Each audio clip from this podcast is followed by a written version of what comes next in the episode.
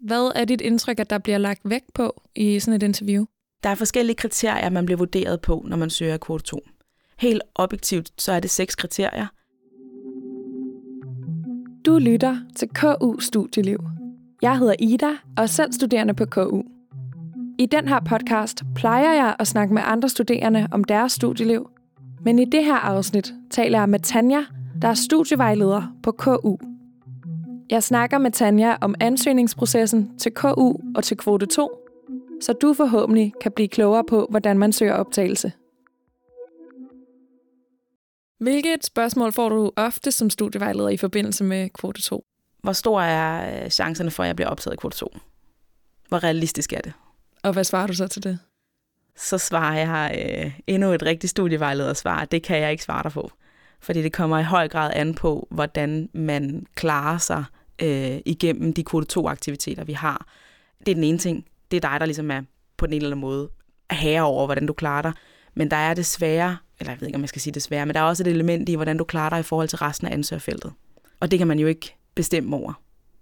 Så derfor prøver jeg at, øh, at vinkle samtalen lidt anderledes, og så netop prøve at snakke om, jamen lad os prøve at tale om, hvad du kan gøre for at stå absolut bedst i en kvote 2-optagelse.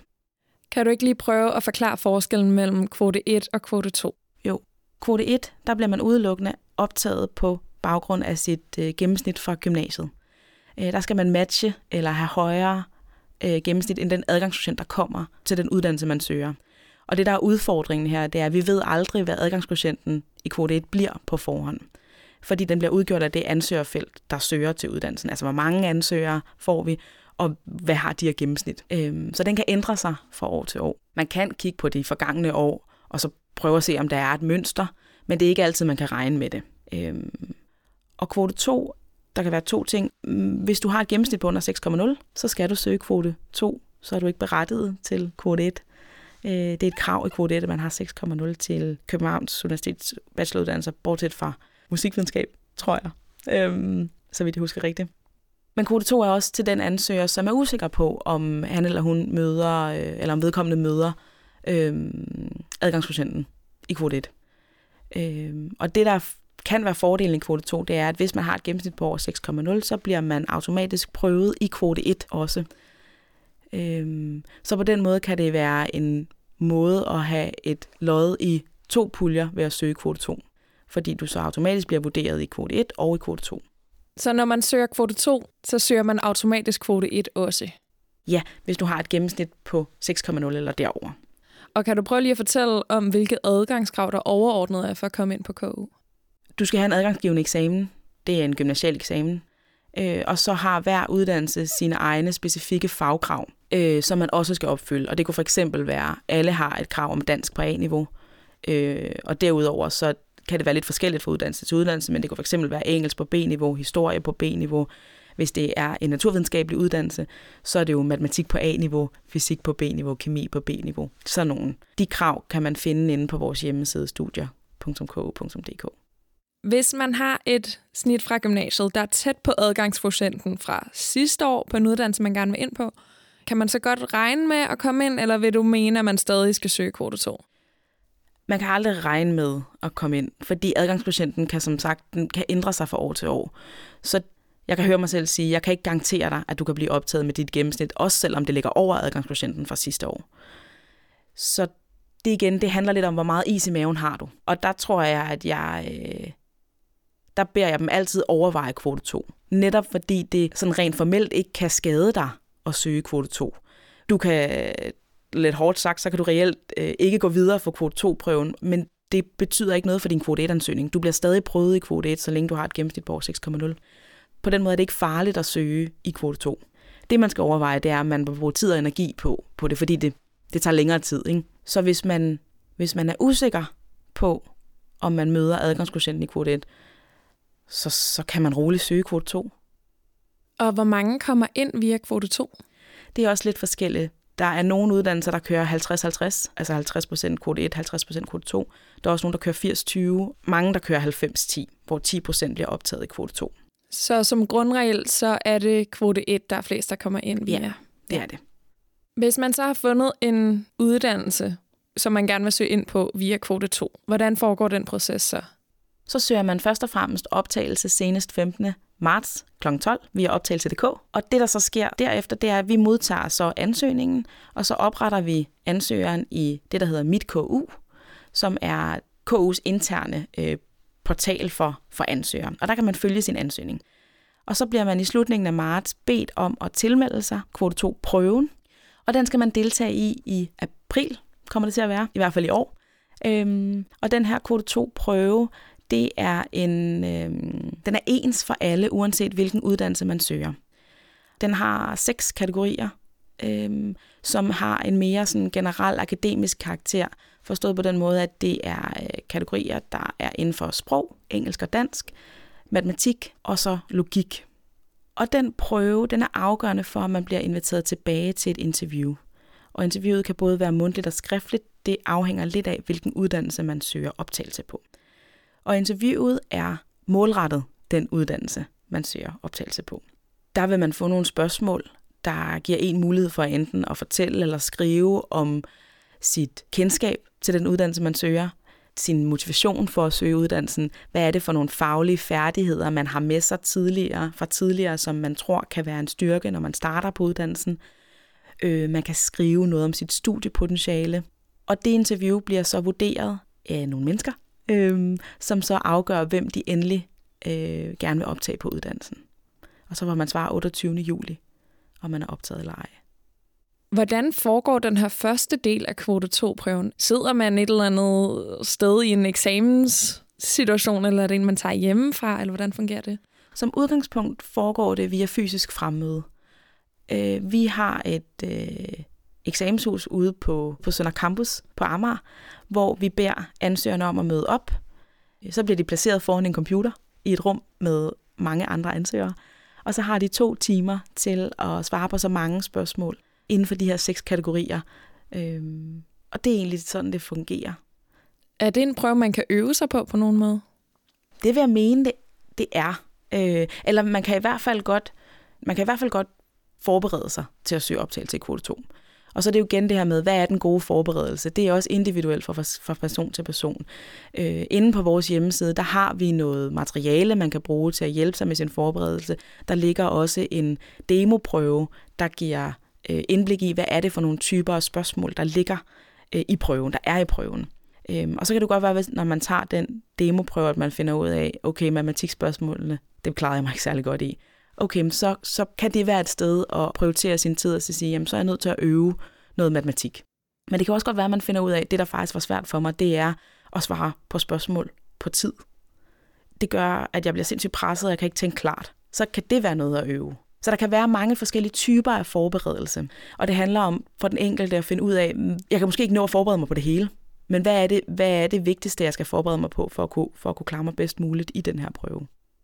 Hvis man nu har sabbatår og er ude at rejse, kan man så stadig godt tage prøven på en eller anden måde? Øh, som udgangspunkt, ja, så er der i hvert fald i, i år en, en mulighed for at øh, deltage i prøven online. Der er nogle bestemte betingelser, man skal opfylde. Det kunne for eksempel være, at man ikke var i Danmark på prøve på de datoer, hvor vi afholder prøve. Der vil jeg sige, der står noget om det inde på vores hjemmeside, men der er man jo også altid velkommen til at kontakte os, hvis man har brug for vejledning til, hvordan man deltager, om man kan deltage i prøven online, og hvordan man gør det. Øh, men der er mulighed for det. Og du siger, der er nogle forskellige delelementer af den her prøve. Hvis man nu skal læse en eller anden sproglig uddannelse, er det så stadig vigtigt, at man også klarer sig fint i matematikdelen? Det, der jo er med den her prøve, det er, at den afgør, at man går videre til interviewet. Så man skal overordnet set klare sig godt i prøven. Og hvor mange af dem, der har været op til første del, bliver så inviteret til et interview? Cirka, jeg tror, vi plejer at sige cirka 3-5 gange så mange ansøger, som der er pladser. Øhm. Så det kommer ikke an på, hvor mange der ansøger, men mere ud fra, hvor mange studiepladser der er? Ja. Okay. ja, så hvis lad os sige, der er 10 studiepladser på en uddannelse i kvote 2, så går cirka 30-50 videre til et interview. Så kommer det selvfølgelig an på, hvor mange ansøgere, der, der er der 30-50 ansøgere. Hvis der er mere end 50, så er det, så er det der udskillelsen.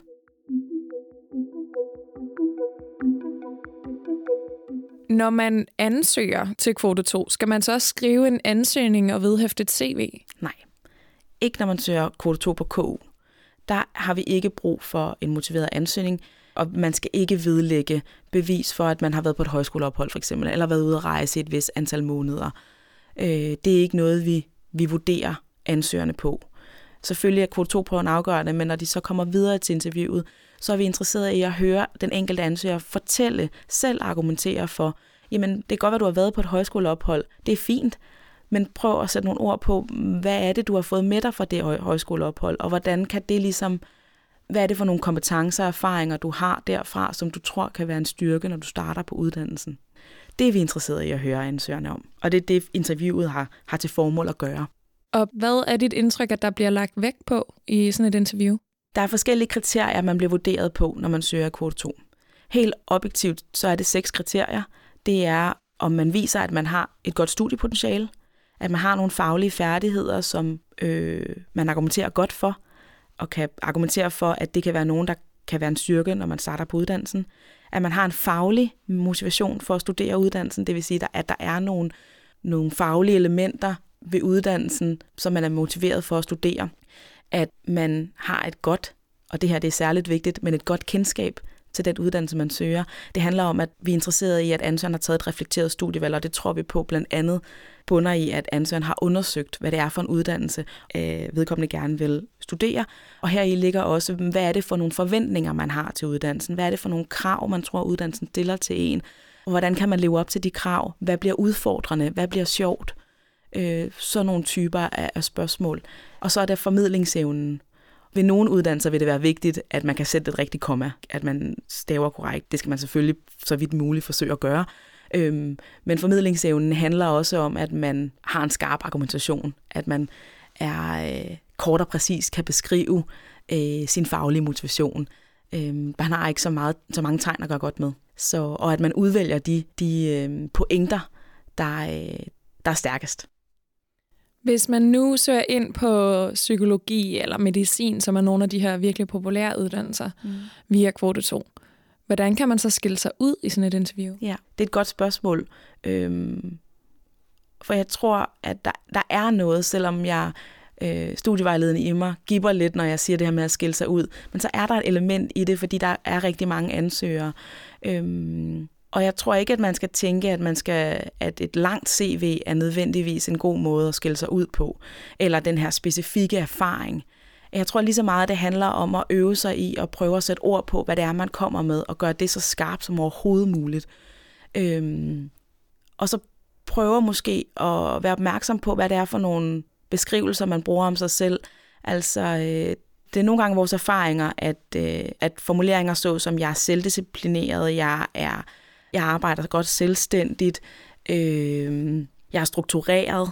De her typer af, af formuleringer og ord er, er ikke måske den bedste måde at skille sig ud på, fordi det kan rigtig mange skrive, og rigtig mange tror, altså jeg tror også, jeg er struktureret, selvdisciplineret og hårdt arbejdende, men hvad betyder de ord egentlig, og hvordan, øh, hvordan er jeg struktureret i praksis? Øh, så det siger måske ikke så meget om den enkelte, hvis man bare i godstegn skriver skriver de her ord. Så man skal tænke over, jamen, hvordan kan jeg gøre det mere konkret? Det, det tror jeg godt kunne være en måde at, at tænke i og at skille sig ud. Og det handler nok også lidt om, at dem, der skal læse interviewet, de skal kunne gætte sig til, okay, men hvad mener du, når du siger, du er struktureret? Det er din opgave at forklare, hvad det er, du, du mener med det. Er det alligevel vigtigt, at man har et eller andet relevant erhvervserfaring eller, eller sådan noget? Øh, det korte svar er nej. Vi går ikke ind og beder dem om at dokumentere deres erfaringer. Og der er ikke noget, vi betragter som rele- mere relevant end andet. Igen så handler det om, hvordan man omtaler det og argumenterer for det. Jeg tror, noget af det, som det vi taler med, med ansøgerne om, når de ringer ind til os, det er, at vi prøver ligesom at grave i deres erfaringer.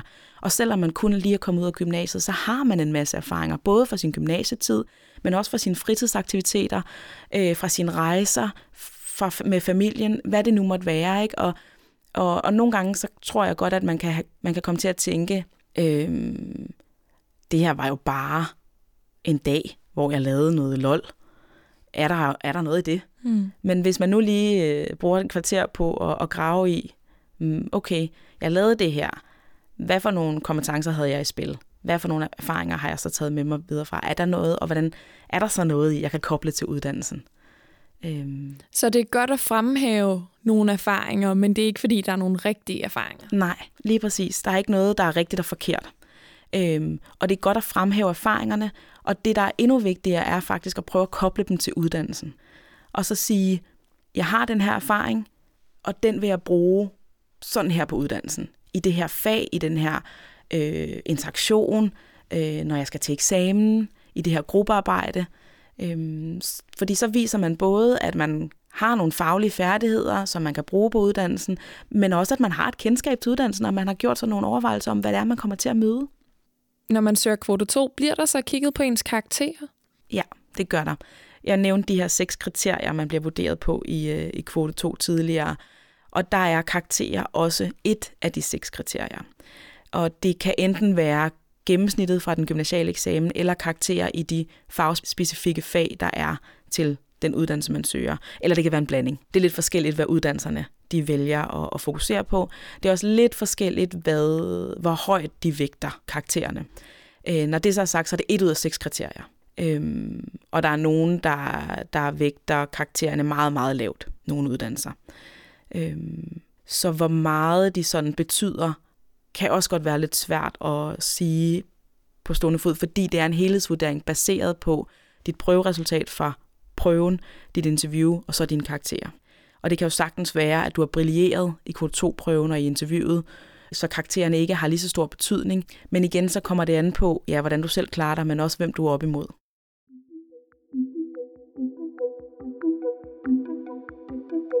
Hvis man skal til sådan et interview til en uddannelse, man bare så gerne vil ind på, så kan det jo også være enormt nervepigerne, der kan være virkelig meget på spil, mm. øhm, som også kan skabe noget nervøsitet. Har du nogle tips til, hvordan man kan håndtere det? Altså, jeg vil jo selv synes, hvis jeg skulle til sådan et, sådan et interview, at det vil handle om at, være, at føle sig godt forberedt. Øhm, og så er det jo et spørgsmål om netop, hvad, hvad skal til, før du føler dig godt forberedt. Der ligger inde på vores hjemmeside, der ligger der nogle forslag til, hvad man kan hvad, hvad, hvad for nogle spørgsmål de kan møde i interviewet. Og det kan jo godt være en god forberedelse af at prøve at skrive så mange forskellige slags svar til det spørgsmål. Fordi så har man, øh, så har man ligesom trænet sig i at, øh, at skrive forskellige typer af svar. Det kan være en form for forberedelse. Men det kan også godt være, at der er nogen, der sidder derude, der tænker, okay, hvad skal der til for at få ro? Er det at drikke en varm kop kaffe inden og komme en time før og, og lige sidde og lande? Er det at få løbet en tur om morgenen? Er det at øh, lige gribe knoglen og tale med en veninde, inden jeg skal ind, fordi hun er god til at berolige mig? Der kan være, mange, øh, der kan være rigtig mange måder at gøre det på. Jeg tror, jeg har lyst til at sige, det er, at, at vi vil meget gerne tale med ansøgere og, og vejledningssøgende om det her. Øhm, så, så derfor så håber jeg, at, øh, at folk de tager fat i os, hvis de har brug for at snakke om. Jeg er mega nervøs, jeg vil helt vildt gerne til K2-prøve, men jeg, jeg er ikke sikker på, at jeg ved, hvordan jeg kommer i gang med at forberede mig, eller hvordan jeg finder ro til at deltage i det, så, øh, så vil vi meget gerne tale med, med, med folk om det. Øhm, og vi er også gode til det. Og vi, nu spurgte du mig ind til tips. Øh, jeg kan jo godt sige en masse fra min eget bord, hvad, hvad der vil virke for mig. Øh, men vi sidder ikke med svarene, når, når folk ringer ind. Øh, men vi er gode til at stille spørgsmål, og vi er gode til at få folk til at, at reflektere over, hvad der virker for dem. Øh, så hvis man er med på sådan en type snak, så håber jeg, at man vil tage fat i os. Fedt. Mm. Påvirker det ens ansøgning negativt, hvis man søger dispensation eller tidligere har takket nej til en plads? Nej, det gør det ikke. Øhm, der er forskellige typer af dispensationer. Øhm, for eksempel kan man søge det, der hedder dispensation for usædvanlige forhold. Det er, hvis man har været udsat for nogle meget, meget usædvanlige forhold i gymnasiet, som har påvirket, sit, altså påvirket karaktererne. Øh, det må man gerne søge om, hvis det er tilfældet, eller hvis det giver mening for, for, øh, for den enkelte. Øh, hvis vi kan anerkende, nu bliver det meget formelt, men hvis vi kan anerkende de forhold, der, øh, der var til stede i din gymnasietid, øh, så får du dispensation, og så bliver det taget i betragtning, når de personer, der skal vurdere dit interview og dine karakterer, når de laver vurderingen. Men de kigger udelukkende på, at der har været nogle forhold, der har påvirket karakteren. De kigger ikke på, om de forhold kan påvirke dig, når du bliver studerende på uddannelsen. Så det må man ikke være bange for, at det gør. Øhm, og det påvirker heller ikke fremtidige uddannelser, når man takker nej til en uddannelse, når man bliver tilbudt sådan en. Hvis man ikke kommer ind, når man har søgt via kvote 2, mm. får man så at vide, hvorfor? Øh, nej, man får ikke sådan en begrundelse tilsendt på øh, e-boks, skulle jeg sige, sådan mm. er det mhm. ikke mere, men på mit KU tror jeg, man får svar. Øhm, men man kan altid tage fat i os, hvis man får et afslag, og så kan vi tage en snak om, øh, så kan vi prøve at kigge på, hvad, hvad var årsagen til, til afslaget. Og det kan vi gøre på forskellige måder. Øhm, vi skriver hvert år nogle afslagsvejledninger i kvote 2, som er en sammenfatning af, hvad de bedste øh, ansøger udmærket sig ved, for eksempel. Og så kan vi tage en snak med udgangspunkt i det, øh, og dykke lidt ned i, okay, men nu kan du se, hvad de, hvad de bedste ansøger udmærket sig ved, hvordan matcher det dine ansøgninger, og hvor falder du ligesom igennem. Vi kan også prøve at gå, gå ind og kigge på øh, dit interview, og så se på, hvordan gik det her. Så sådan en snak vil vi også meget gerne til. Øhm, men det er en snak, hvor, hvor, an, hvor øh, den vejledningssøgende primært snakker, og hvor vi stiller spørgsmålene. Men, men vi plejer rigtig god erfaring med de her typer samtaler, og de, er rigtig, de kan give rigtig godt med sig. Og hvor man måske kan få nogle refleksioner med sig, hvis man så vil søge igen næste år. Lige præcis. Det er i hvert fald det, vi håber på. Fedt. Mange tak, Tanja, fordi at du vil fortælle om KU Studievejledning. Selv tak. Hvis du selv har flere spørgsmål til optagelse via kvote 2, kan du læse mere på studier.ku.dk. Husk, at der er ansøgningsfrist for kvote 2 den 15. marts kl. 12, og at KU holder åbent hus i uge 9. Tak fordi du lyttede med.